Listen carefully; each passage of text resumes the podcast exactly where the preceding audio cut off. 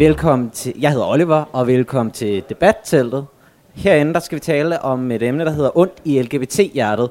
Så hvis I er for at høre øh, Pride-retter, så er det Stig Royale lige dernede.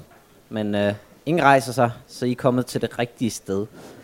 Vi har et rigtig, rigtig fedt panel her, jeg lige vil præsentere. Vi har øh, Lars Henriksen, forperson for Copenhagen Pride.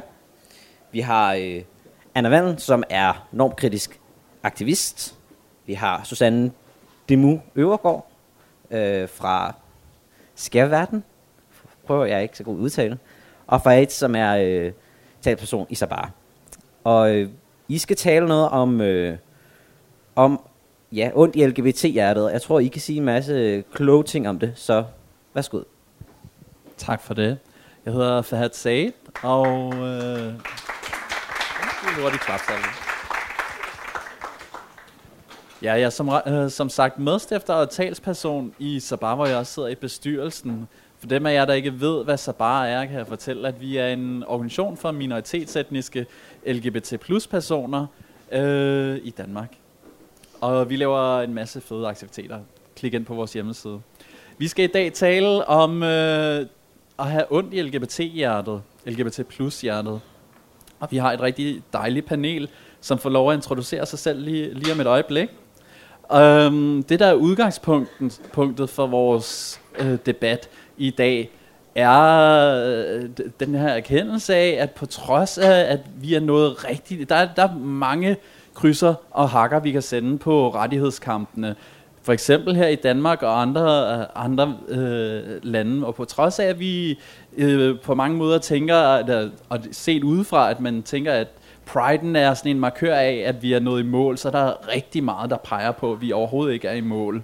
Der er rigtig meget, der øh, peger på, at hvis man er en homoseksuel mand, eller en homoseksuel kvinde, biseksuel eller transkønnet, at man bare bonger rigtig, rigtig højt, når det kommer til psykisk trivsel og alkoholisme og så videre. Og det, det skal vi øh, diskutere i dag. Hvad er det for nogle grunde, der ligger bag, øh, bag det, og hvad, hvordan ser det egentlig ud for vores miljø? Hvordan har vi det egentlig?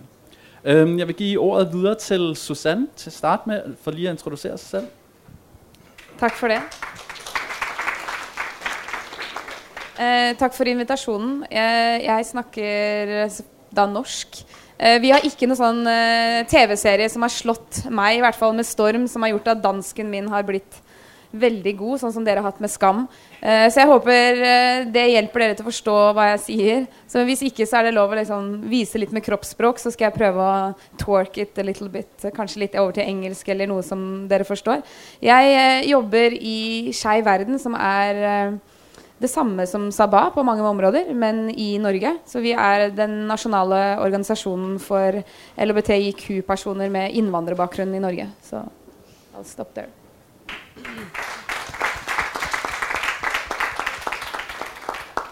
Og jeg hedder Anna Vandel Petersen, og jeg er normkritisk aktivist, og det betyder, at jeg beskæftiger mig med normkritik på rigtig mange områder, men primært har jeg beskæftiget mig med børne- og ungeområdet, særligt et projekt, som hedder Normstormerne, som er sådan et øh, normkritisk undervisningsprojekt, som underviser børn fra 7. til 10. klasse, eller unge, øh, i normer for køn og seksualitet, for på en eller anden måde at arbejde præventivt i forhold til hate crimes, mobning og sådan noget, der knytter sig til køn og seksualitet.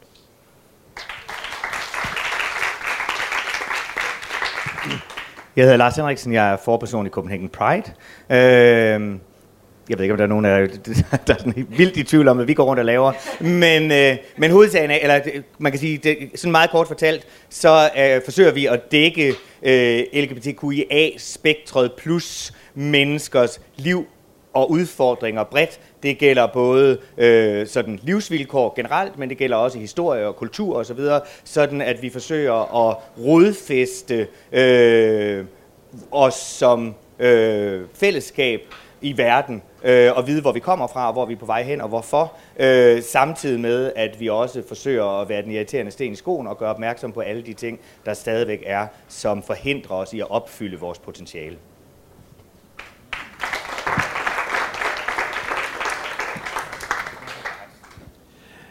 Øh, og så har jeg aftalt med Anna, at Anna gerne vil åbne ballet i forhold til, hvad, hvad er det egentlig for nogle ting, vi ved omkring vores sundhed, omkring vores øh, Øh, mentale helbred og så videre. Hvad, hvad er det for nogle, hvor er det, øh, at vi ser nogle uligheder i forhold til vores heteroseksuelle medborgere. Øhm, ja, så starter det sørgeligt. Altså, i udgangspunktet skal man sige, at det er begrænset, hvor meget data man har på LGBTQ-personer i verden generelt, men særligt i Danmark. Der er simpelthen ikke lavet ret mange undersøgelser på det, og så er der rigtig mange af sådan, de store statistikmaskiner, som ikke er interesseret i at spørge ind til folks seksuelle orientering og kønsidentitet, når man laver nationalt dækkende undersøgelser af levevilkår, hvorfor vi ikke ved ret meget. Men det vi ved, for der er lavet undersøgelser, også rigtig gode undersøgelser, det er, at det står rimelig skidt til. Og noget af det, der særligt har optaget mig gennem årene, og som jeg virkelig øh, gør meget ud af at skræmme folk med, det er dødsretten. Øh, noget af det, man ved, det er, at LGBTQ-personer generelt, de dør langt mere end den generelle befolkning. Det er både af... Hvad siger du? Hvad siger du? De dør ikke mere end de andre, de dør tidligere. Tid, de dør, når de dør. I skal se det. Nej, ja, de dør tidligere. Øhm, hvad hedder det? Øh, nej, tak, Lars. Øh, hvad hedder det? Øhm, og det gælder for hele, hele øh, hvad hedder sådan noget, LGBT-linjen. Det bonger særligt ud blandt biseksuelle kvinder, blandt lesbiske og blandt transpersoner. Og der er ikke lavet undersøgelser, som øh, kan vise ret meget specifikt, om det enten er trans øh, kvinder eller mænd, eller nogen, der identificerer sig øh, queer eller non-binære, men man ved i hvert fald, at man dør mere. Så er der også den detalje, at, øh, at man ved om, øh, om lesbiske og biseksuelle kvinder, at de dør mere af sådan, øh, hvad hedder sådan noget... Øh, altså cancer for eksempel, autoimmune sygdomme, også nogle, man ikke nødvendigvis kunne relatere til øh, livsstilsbetingede sygdomme. For det er en anden ting, man ved. Man ved, at LGBTQ-personer, de ryger og drikker og misbruger stoffer mere end den generelle befolkning. Så, øh, så sådan over hele sundhedslinjen, så er det ikke ret optur at være LGBTQ-person, og det er noget af det, vi skal snakke om i dag. Hvordan kunne man forstå, at det var sådan, hvilke årsager kunne der være, hvilket, hvad er det i virkeligheden symptom på? Øhm, men hvad, altså, hvad, hvad betyder den her ulighed egentlig? Altså, hvad, hvorfor er det, at det er, det er interessant? Man kan sige, altså, vi som LGBT-personer har jo adgang til de samme hospitaler, og det, på mange måder, så ser man jo ikke uh, den her ulighed, fordi vi tænker, vi, vi har vi ikke adgang til de samme ting. Hvad, hvad er konsekvensen af den her ulighed, og hvor, hvor kommer den fra? Spørg mig. Ja, jeg stiller spørgsmål til dig. Øh, jamen, altså, jeg tænker, uligheden er, er, altså, nogle gange er den, er den meget konkret og lige til, nogle andre gange er den subtil. Det vil for eksempel, øh, et godt eksempel er, øh, hvordan øh, sundhedspersonale mangler grundlæggende viden omkring LGBTQ-personers seksuelle praksis. Det vil sige, at rigtig mange mennesker, de oplever at komme ind til en læge, og så siger de, jeg vil gerne have lavet en undersøgelse, Øh, et celleskrab for eksempel, så man bliver blive screenet for HPV, det er det, der kan give et livmoderhalskræft, og så siger lægen, Nå, hvad hedder din kæreste? Og så sidder der en kvinde, der siger, min kæreste hedder et eller andet Hanne, og siger hun, Nå, men så er det slet ikke relevant for dig, fordi øh, lesbiske, de kan ikke smitte hinanden med sexsygdomme, øh, fordi de har ikke rigtig sex. Øhm, jeg vil sige, det er et rigtig godt eksempel på, at der sidder ikke en læge der, som har nogen intentioner om at undertrykke nogen, eller ekskludere nogen fra sundhedssystemet. Det er bare det, der sker i praksis, fordi man i løbet af sin uddannelse på medicinstudiet eller whatever, ikke har lært noget om, at LGBTQ-personer måske havde nogle specifikke problematikker i forhold til den generelle befolkning. Øh, og spurgte du, hvor det kom fra?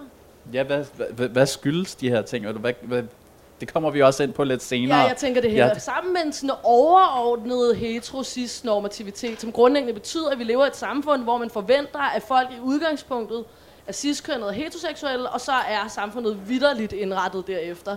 Det er både sundhedssystemet, det er, ja, det er i samtlige offentlige institutioner, det er på gaden, det er på barer, det er i tøjbutikker, det er everywhere. Øh, og det, tænker, ja, det er sådan den store årsag til det meste. Det, det er også en stor kagedåse at åbne op for. Det, det kommer vi ind på øh, lidt senere. Vi har tænkte på at spørge dig, Lars, om altså, Pride er jo en festens dag. En, øh, en synlighedsfestival, og i morgen er der, er der jo klimaks på den her fest. Hvad tænker du, at, øh, og hvordan mærker Pride'en øh, alle de negative øh, sider af LGBT-miljøet, alle de dårligdomme, der alligevel viser sig øh, omkring vores, vores helbred. Er I berøring med det, og hvilket ansvar tænker du, Pride'en kan have i det? øhm, jeg ved, altså, det, det er sådan lidt, altså, vi mærker det jo på den måde, at, eller mærker det, vi tager øh, ansvar for at behandle det i det program, vi lægger an i Copenhagen Pride Week, som jo er øh, i udgangspunktet til for øh, at beskrive så bredt som muligt, og det er også derfor, at der er plads til fest, men så bredt som muligt LGBTQIA-personers liv. Øh, og der er vi også nødt til at tage fat på alle de dårligdomme, der også er, og de, eller kalde dem udfordringer, øh, der er, hvor vi øh, har ringere livsvilkår eller ringere livspræmisser øh, end heteroseksuelt identificerede individer. Øh, så jeg synes, vi prøver at besinde os på det i hele vores programlægning, øh, at det ikke kommer til at handle om fest og ballade det hele, men det er okay, når man, altså, synes jeg, at når man har været alvorlig, at man så også på den baggrund siger, men der er altså også noget at glædes over. Der er et fællesskab at glædes over. Der er en, øh, nogle sejre, vi har vundet, øh, som vi gerne må øh, hylde dem, der har arbejdet for, og os selv for at have været en del af osv.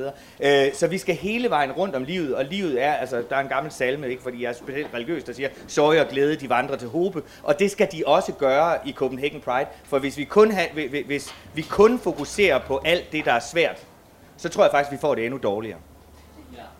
Ja, og, og måske det samme omkring vil sige det samme om, hvis vi kun fokuserer på det, der er godt, så...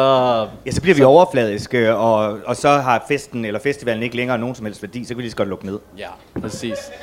præcis. Susanne, hvordan øh, spejler de her ting sig i en øh, norsk kontekst? Er der noget, som du kan genkende? Er der noget, der går igen? Uh, jeg tror ikke det er noe Jeg tror Norge er ganske likt som Danmark på veldig mange områder. Det er klart at Den organisasjonen jeg jobber med, som uh, også dere i Sabah gjør, er kanskje noen av de som er aller minst synlige.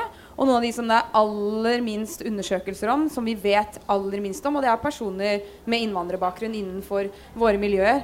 Eh, så jeg er selvfølgelig veldig opptatt av de som, eh, som, en gruppe, og hvordan de har det i motsetning til resten av befolkningen. Altså resten av miljøet vårt, bevegelsen vår. Hvor er det vi er på vei? Hvem er det som får være med på festene? Hvem er det som ikke får være med på festene?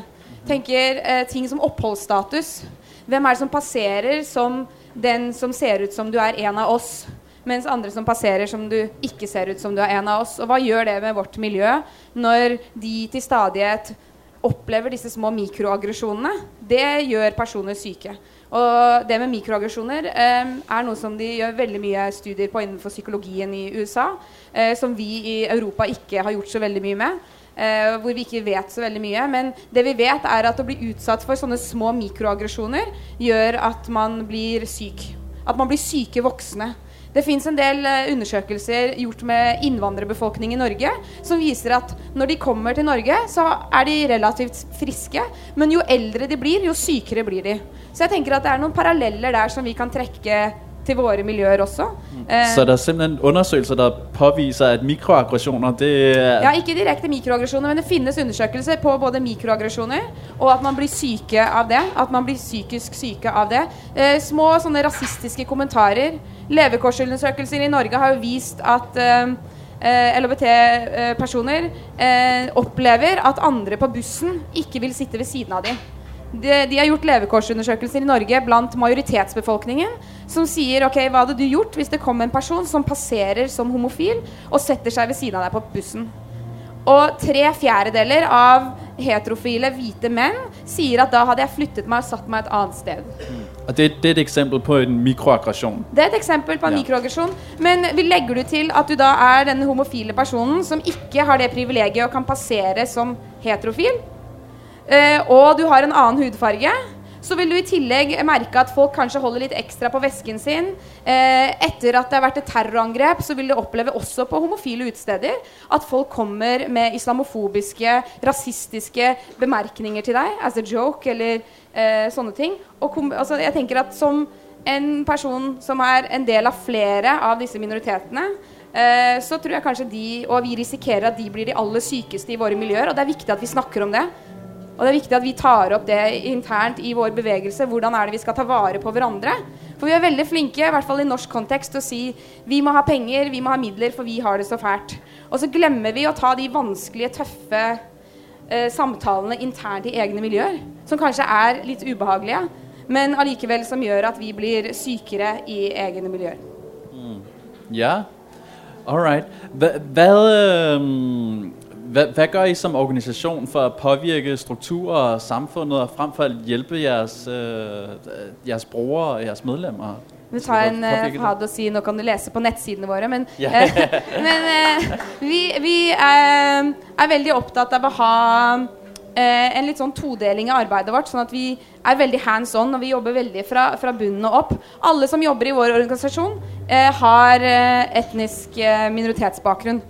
Fordi at vi vet at minoritetspersoner har det vanskeligere på arbeidslivet, så er det viktig at vi går foran og viser med aktiv handling at det er de vi velger å ansette. Og ja, det kan være sånn at statistisk sett så er det vanskeligere. Vanskeligere med språk hvis man har kort botid i Norge. Men, men de tingene må vi ta med på kjøpet. Så vi er veldig opptatt av at eh, verdiene våre er også en del av hvordan vi handler. Eh, og at vi er i, kan sette i gang aktiviteter hvis vi ser at det er behov for det veldig fort. Men så er det også viktig for oss å være synlige Eh, både i miljøer som er for identiteten vår som LHBT-personer, men også identiteten som innvandrerpersoner, men også i majoritetssamfunnet. Så vi, har, vi er veldig opptatt av å dukke opp på debatter, være synlige, utfordre. Utfordre all white panel, utfordre all hetero panel, altså for å liksom få inn de forskjellige perspektivene. Mhm, -hmm. Superinteressant. Så øhm, øh, øh, for mig lyder det som om, at øh, I på mange måder gør, hvad I siger. Øh, og ikke bare, øh, ja, I, I walker the talk, som man så, så Vi kan prøver sige. i hvert fald, Ja, ja. ja, ja, ja, ja. For mig lyder det også som om, at, øh, at meget af det, som, øh, som I prøver at skabe på, mange, på samme måde, som vi gør i Sabar, er at skabe noget adgang til personer, som egentlig ikke har adgang til tingene. Og der kunne jeg måske godt tænke mig at spørge øh, dig, Anna, sådan i et sundhedsperspektiv. Hvordan kan vi give øh, os som LGBT-personer bedre adgang til, øh, til lige, lige, lige vilkår? Det er der jo virkelig mange diskussioner om. Altså, at, øh, lige nu er der i gang med at blive lavet sådan en kampagne, som sætter fokus på KSK, og det betyder kvinder, der har sex med kvinder. Det, det i praksis er, det er øh, kvinder og queers, og det er selvfølgelig alle slags kvinder. Øh, og de arbejder hen imod dels at lave noget, nogle øh, undersøgelser, der skal dokumentere, hvordan ser uligheden ud, og så arbejder man også med at diskutere, og give det mening at have certificeringer, som, det vil sige, at man vil have en LGBT-certificeret praksis.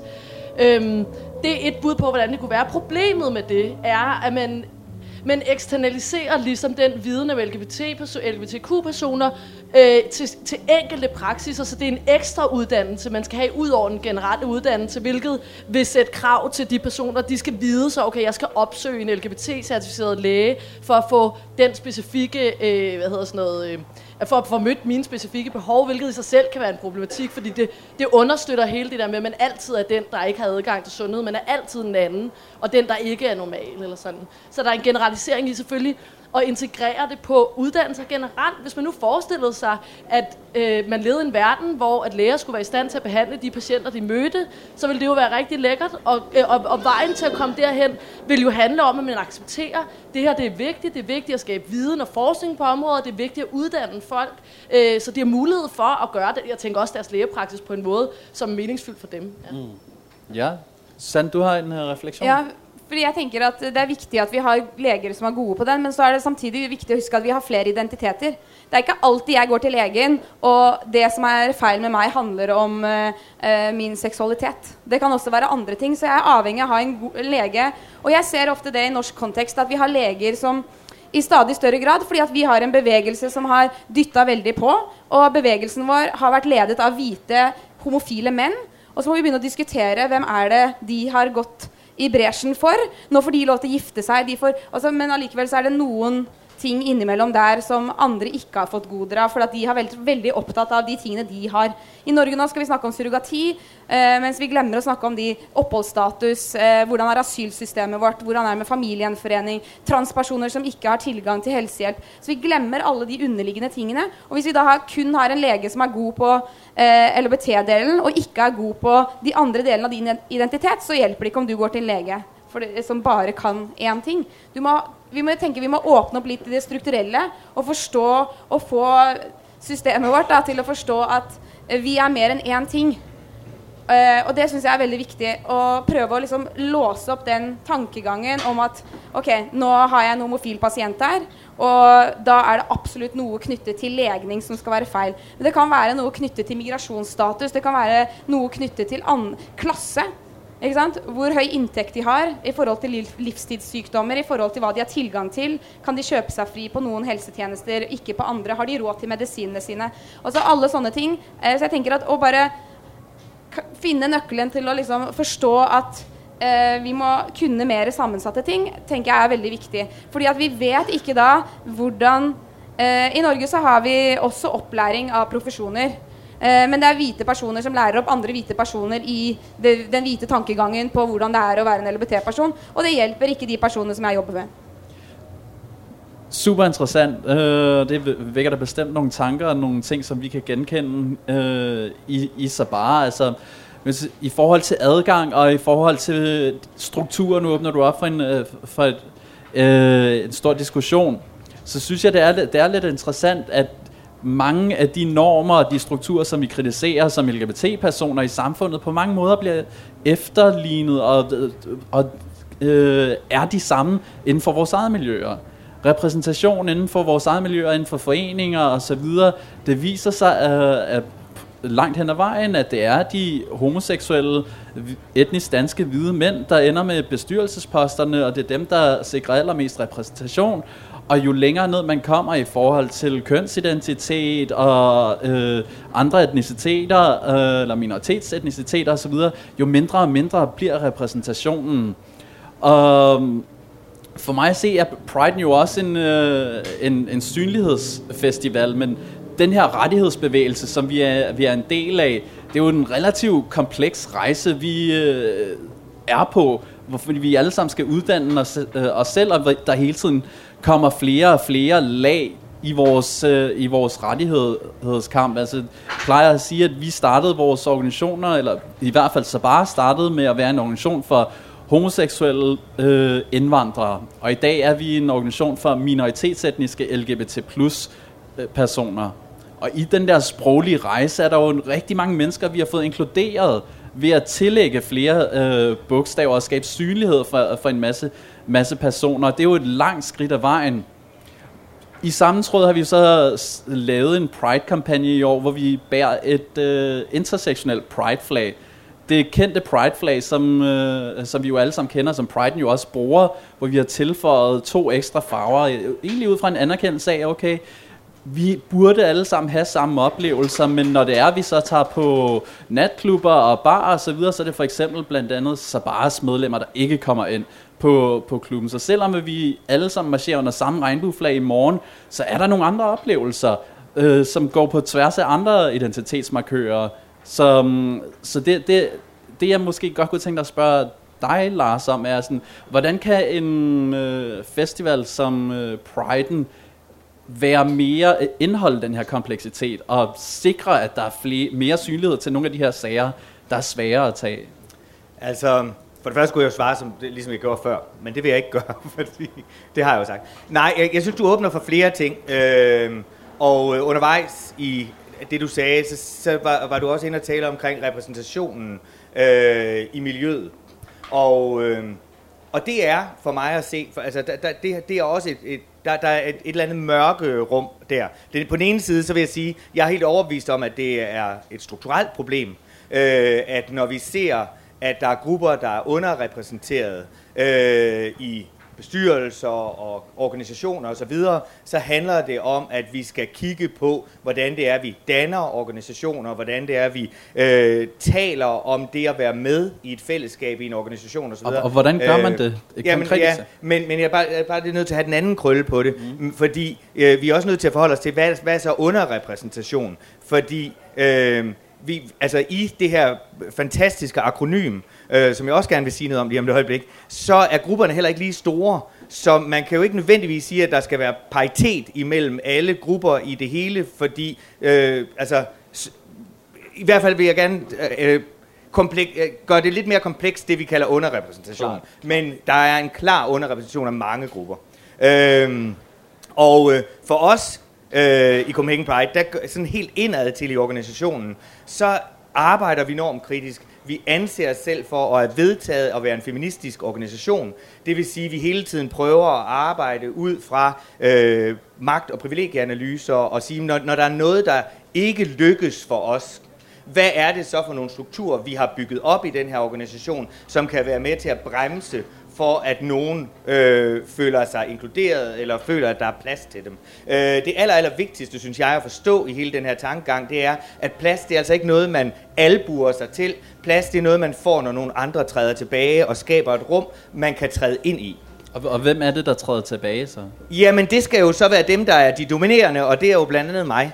Øhm, altså, øh, de sidste hvide bøsser øh, i den her sammenhæng, som fylder rigtig, rigtig meget.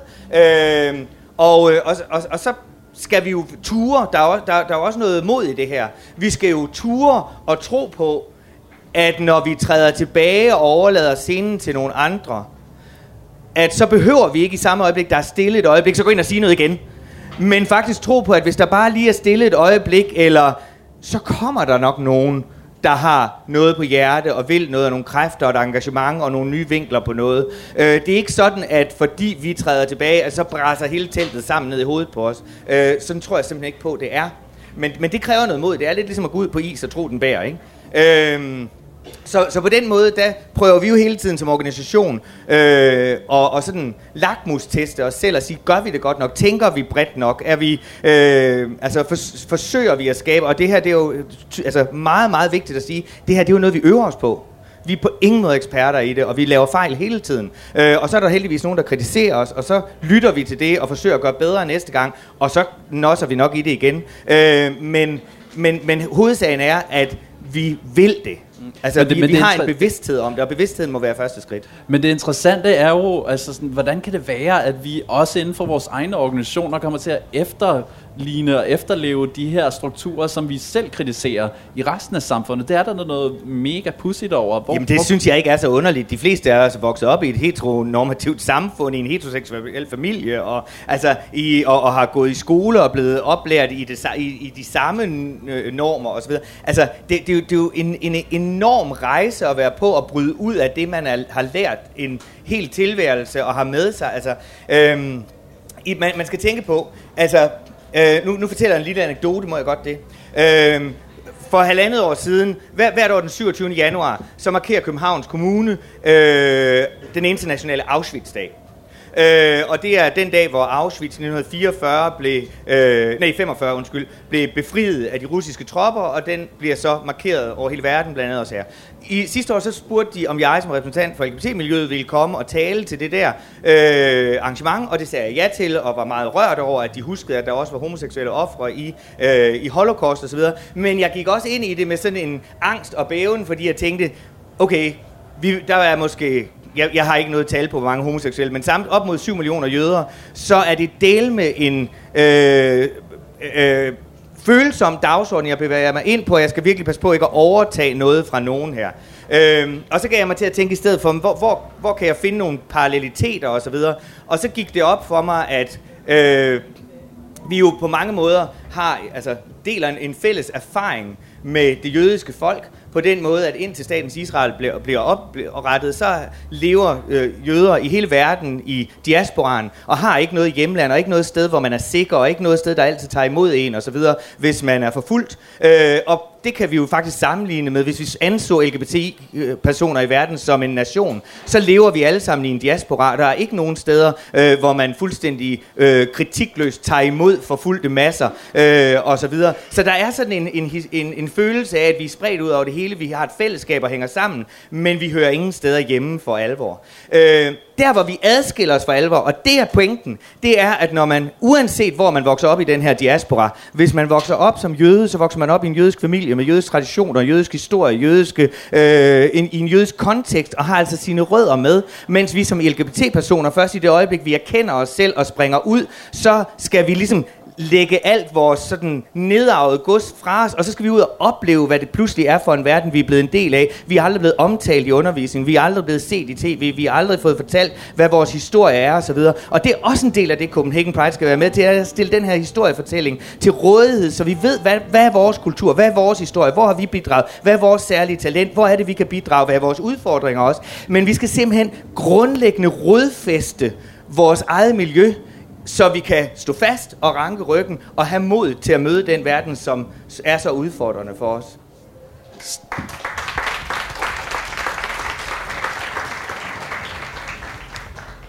Spændende. Så hvordan den her hjemløshed, du næsten beskriver, hvor at vi ikke, altså vi har øh, øh, ikke nogen steder, hvor vi ligesom har, har base, eller sådan, øh, måske sitgas, eller sådan noget, hvor der er fyldt med homoseksuelle, men øh, hvordan, øh, Anna, hvordan, øh, øh, altså er det en helt naturlighed, at vores miljø sådan, på mange måder kommer til at efterleve de strukturer, som vi er, vi er et produkt af? Altså, jeg tror jo egentlig, jeg vil kalde det efterleve. Det, eller på den måde er det jo ikke som om, at hvis man har, hvis man har en LGBTQ identitet og fra en krop, så sletter det alt andet, man var. Altså, vi er jo alle sammen, ligesom vi har snakket om, øh, altså alle mulige forskellige øh, elementer af klasse og ophav og interesser og etnicitet osv. Så, videre. øh, så på den måde er det langt mere jo bare sådan en internalisering, for det Lars siger. Og så tænker jeg, at, øh, at vi lever også i sådan et samfund, hvor det bare er game of privileges, eller sådan, vi er alle sammen sindssygt interesserede i at få mere og mere og mere, og det gælder for os alle sammen. Og det tænker jeg både af vores øh, i et LGBTQ-miljø styrke, men fandme også vores svaghed, at, at nogle gange tror jeg, at, at det, at man som udgangspunkt at divergere i forhold til seksualitet, kan give en incitament til at træde på andre, fordi man bare vil have flere rettigheder. Det er jo derfor, strukturer ligner hinanden, fordi folk grundlæggende er interesseret i at få magt. Så for at gøre noget om på det, så bliver man nødt til, ligesom du siger, I gør i Pride'en, kigge ind og sige, hvad er det? Hvad er vores incitamentstruktur? Hvorfor gør vi det, vi gør? Hvorfor er det vigtigt for os at tage de her tiltag, samarbejde med de her mennesker osv.? Og så finde ud af, at gøre det her for mit eget bedste, eller gøre det ud, til en, ud fra en grundlæggende lyst til mere lighed. Og det tænker jeg, at rigtig mange minoritetsbevægelser kunne lukrere af at tænke, at det her, når jeg gør det her, er det så for at skabe mere lighed generelt? Fordi jeg mener, Pride handler om lighed, det kunne handle om lighed i forhold til klasse, etnicitet, alt muligt. Men der er rigtig mange ting, man selvfølgelig glemmer i mellemtiden, fordi man er optaget af en sag, eller fordi man glemmer sin egen privilegier grundlæggende. Og så tænker jeg også, det er vores styrke, fordi noget, man kan relatere til, hvis man divergerer, og hvis man er vant til at blive undertrykt, så er det, at andre mennesker også bliver det. Det vil sige, hvis jeg har rigtig meget erfaring med at blive udsat for homofobi, så har jeg garanteret også rigtig meget mulighed for at fatte, hvad nogen mener, hvis de siger, at jeg bliver hele tiden udsat for racisme Vi har de tilfælde, så vi bliver undertrykt. Og det er jo, hvis man erkender, at ulighed er en generel ting, og det er ikke noget, der knytter sig til en bestemt identitet, det knytter sig til rigtig mange forskellige slags identiteter, så har man jo virkelig en nøgle til at snakke om ulighed generelt, og det har vi behov for.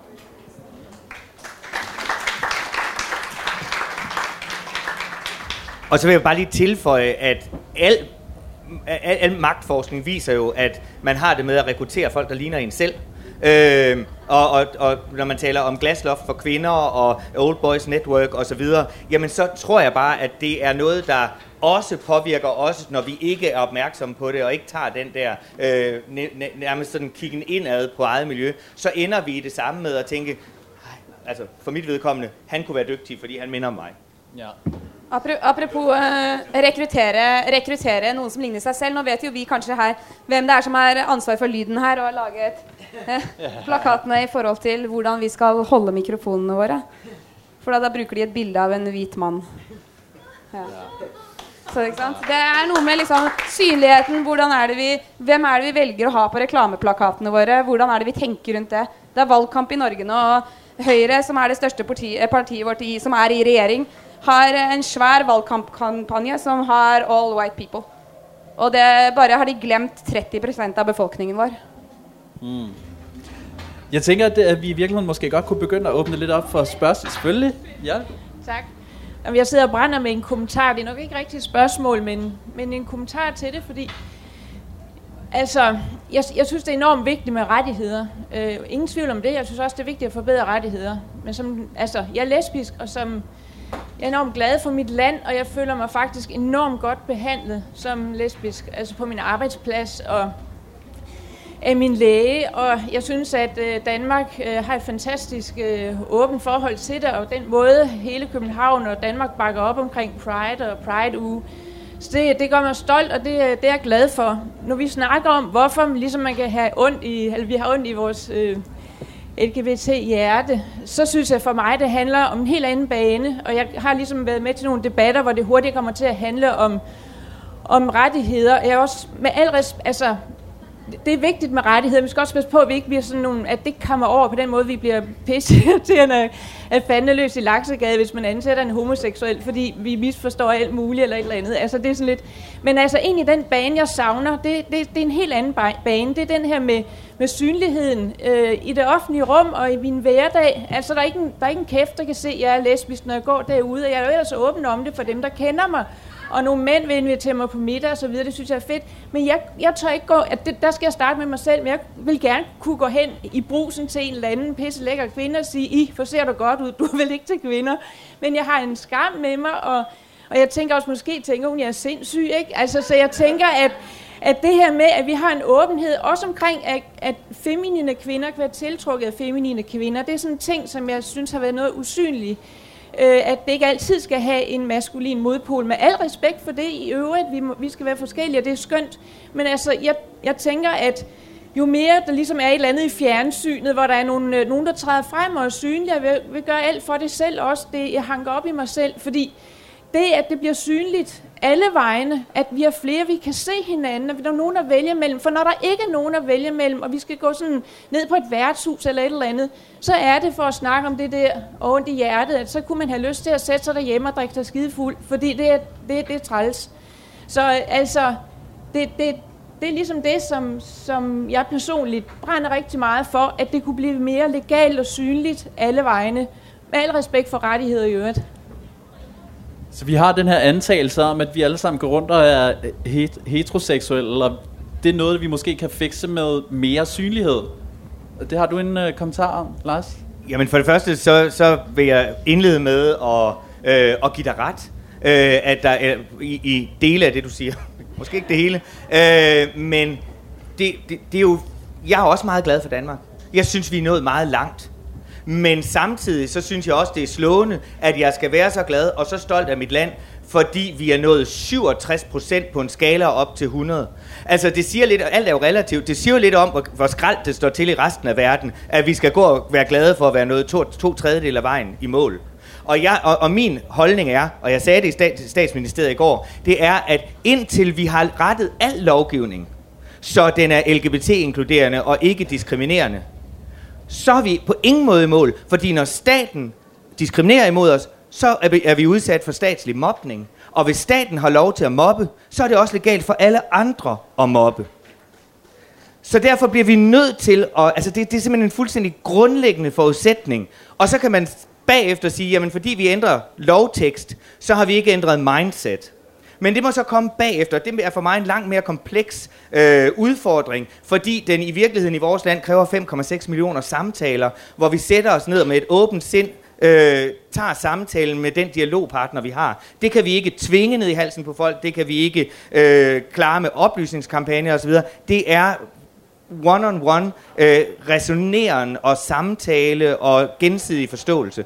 Og det vil jeg super gerne gå i gang med. Nø, og, og så lige for at vende tilbage til det, du sagde med hensyn til vores eget miljø. Jeg synes jo, det er øh, meget, meget vigtigt, også i den her sammenhæng, at tale om, hvordan det er, vi er ved hinanden i vores eget miljø. Fordi samtidig med, at vi har travlt med at pege fingre udad øh, og vil ændre hele verden, øh, så den inkluderer os bedre, så er det altså også vigtigt at sige, jeg siger, jeg er skolelærer, jeg siger til mine skolebørn hele tiden, når du peger på andre med én finger, så er der fire fingre, der peger på dig selv.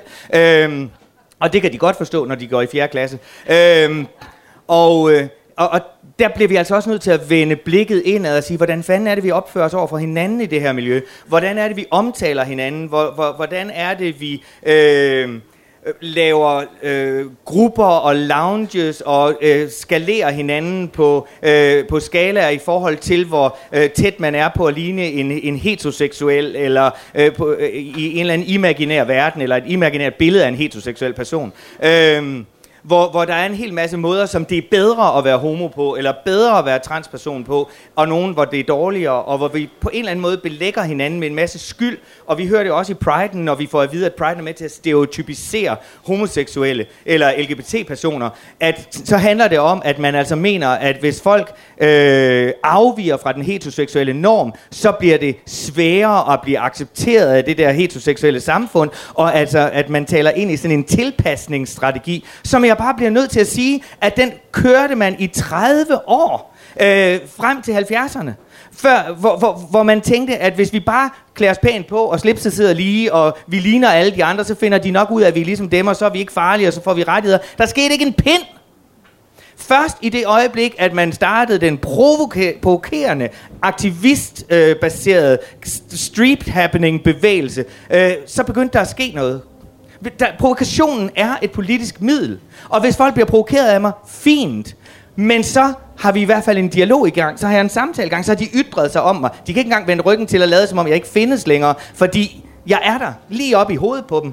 Øhm, og, og hvis der er nogen, der ikke føler sig repræsenteret, jeg bliver en lille smule opbragt nu, kan jeg mærke. øh, og det må I bære med. men, men hvis der er nogen, der ikke føler sig repræsenteret i Copenhagen Pride, det er sådan set fuldstændig fair, fordi hvert menneske kan i sagens natur kun repræsentere sig selv. Og man kan ikke pålægge andre et ansvar for at repræsentere en. Føler man sig ikke repræsenteret i Copenhagen Pride, så må man komme og gå med. Man bliver ikke mere repræsenteret af, at jeg går ud og piller hver tiende paljette af en drag queen. I'm sorry to say. Så det kommer jeg aldrig til at gøre. Øhm, men altså, det kommer an på, hvem du snakker om, ikke? Ja. Men der er også... Ja, men... Men hvad hedder det? Ja, to ting. Det første er, Lars, er det ikke rigtigt, du også mener, at hvis man ikke er repræsenteret i en organisation som Pride, fordi man er etnisk minoritet for eksempel, så er det selvfølgelig ikke ens egen skyld, eller... Og det var jo også det, du sagde tidligere. det var... Ja, jeg forstår, jeg forstår det magtperspektiv. Jeg kigge på Ja. paraden og sige, I repræsenterer ikke mig, for I ligner ikke mig. Øh, eller I gør ikke lige så meget, men hvis I, end, hvis I ændrede jer så i, øh, efter mine øh, forudsætninger, Ja. så Alt, vil jeg føle mig repræsenteret, Men det vil- selv deltager. Men det vel alt efter, hvilket magtperspektiv man siger det fra. Hvis man, hvis man baserede meget, havde mange privilegier, sagde det, var det anderledes, end hvis man ikke gør. Nå, men det var slet ikke det, jeg ville sige. Hvad hedder det? Jeg vil sige, okay, øh, rettighedsbaseret. Okay, det jeg ikke forstod ved det, du sagde, det er, fordi for mig at se, så er den strukturelle analyse, som du også laver, ikke? Som er, at man er usynlig, man bliver sgu aldrig genkendt nogen steder, man er ikke med i borgen, man er ikke med i nogen fucking steder.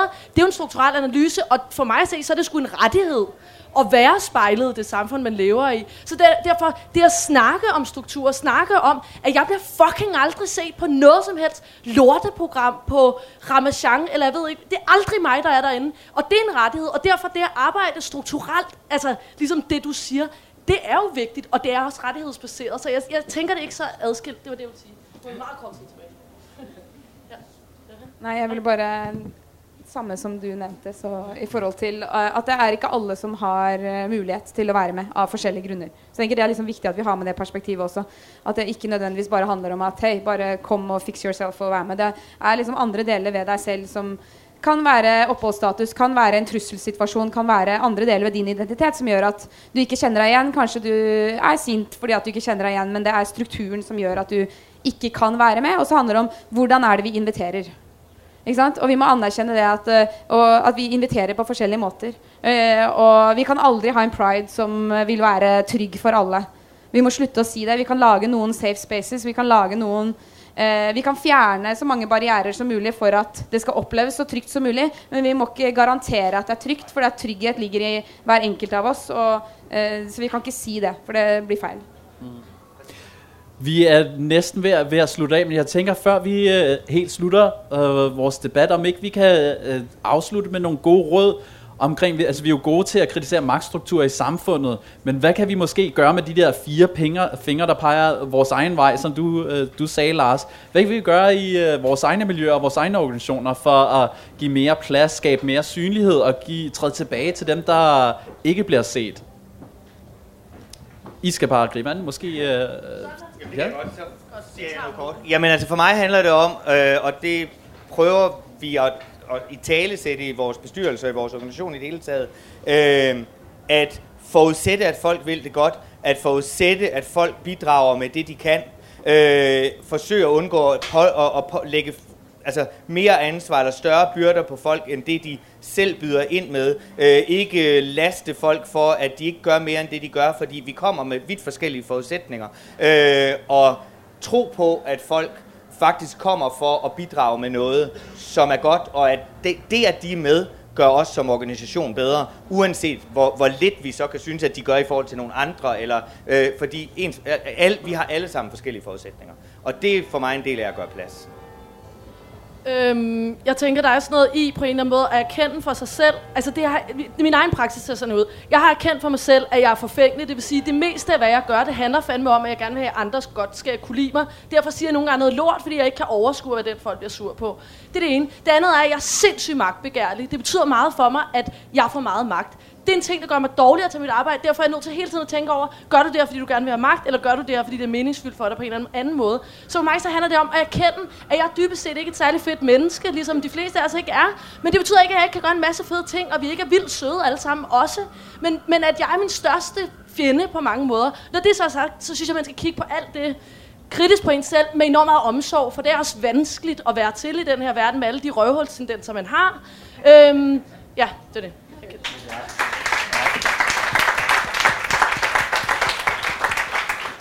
Susanne, et sidste hurtigt råd til os selv. Eh, til oss selv. Jeg tenker sånn, Du sendte jo organisasjon. For oss som organisasjon så bruker vi mye tid på å snakke om hvem er det som kommer, hvem er det som ikke kommer, og prøve å finne ut nøklene til at folk ikke kommer. Eh, men for oss selv så tenker jeg at eh, vi må være litt snillere med hverandre. Eh, altså Det er he veldig enkelt for meg. Altså Vi er altfor eh, Det er de blikkene vi gir hverandre på gaten. Eh, den der, eh, de små tingene som vi gjør med hverandre. Eh, måten du skal gå og kjøpe deg noe i en bar, og så har du liksom noen som ser på deg. Altså det er Alle disse tingene gjør noe med oss, og vi syns det er vondt når andre gjør det med oss i den heterofile, den store verdenen, og så gjør vi akkurat det samme til de som er ved siden av deg. Altså, vi, må, vi må virkelig slutte med disse små tingene og være litt snillere med hverandre.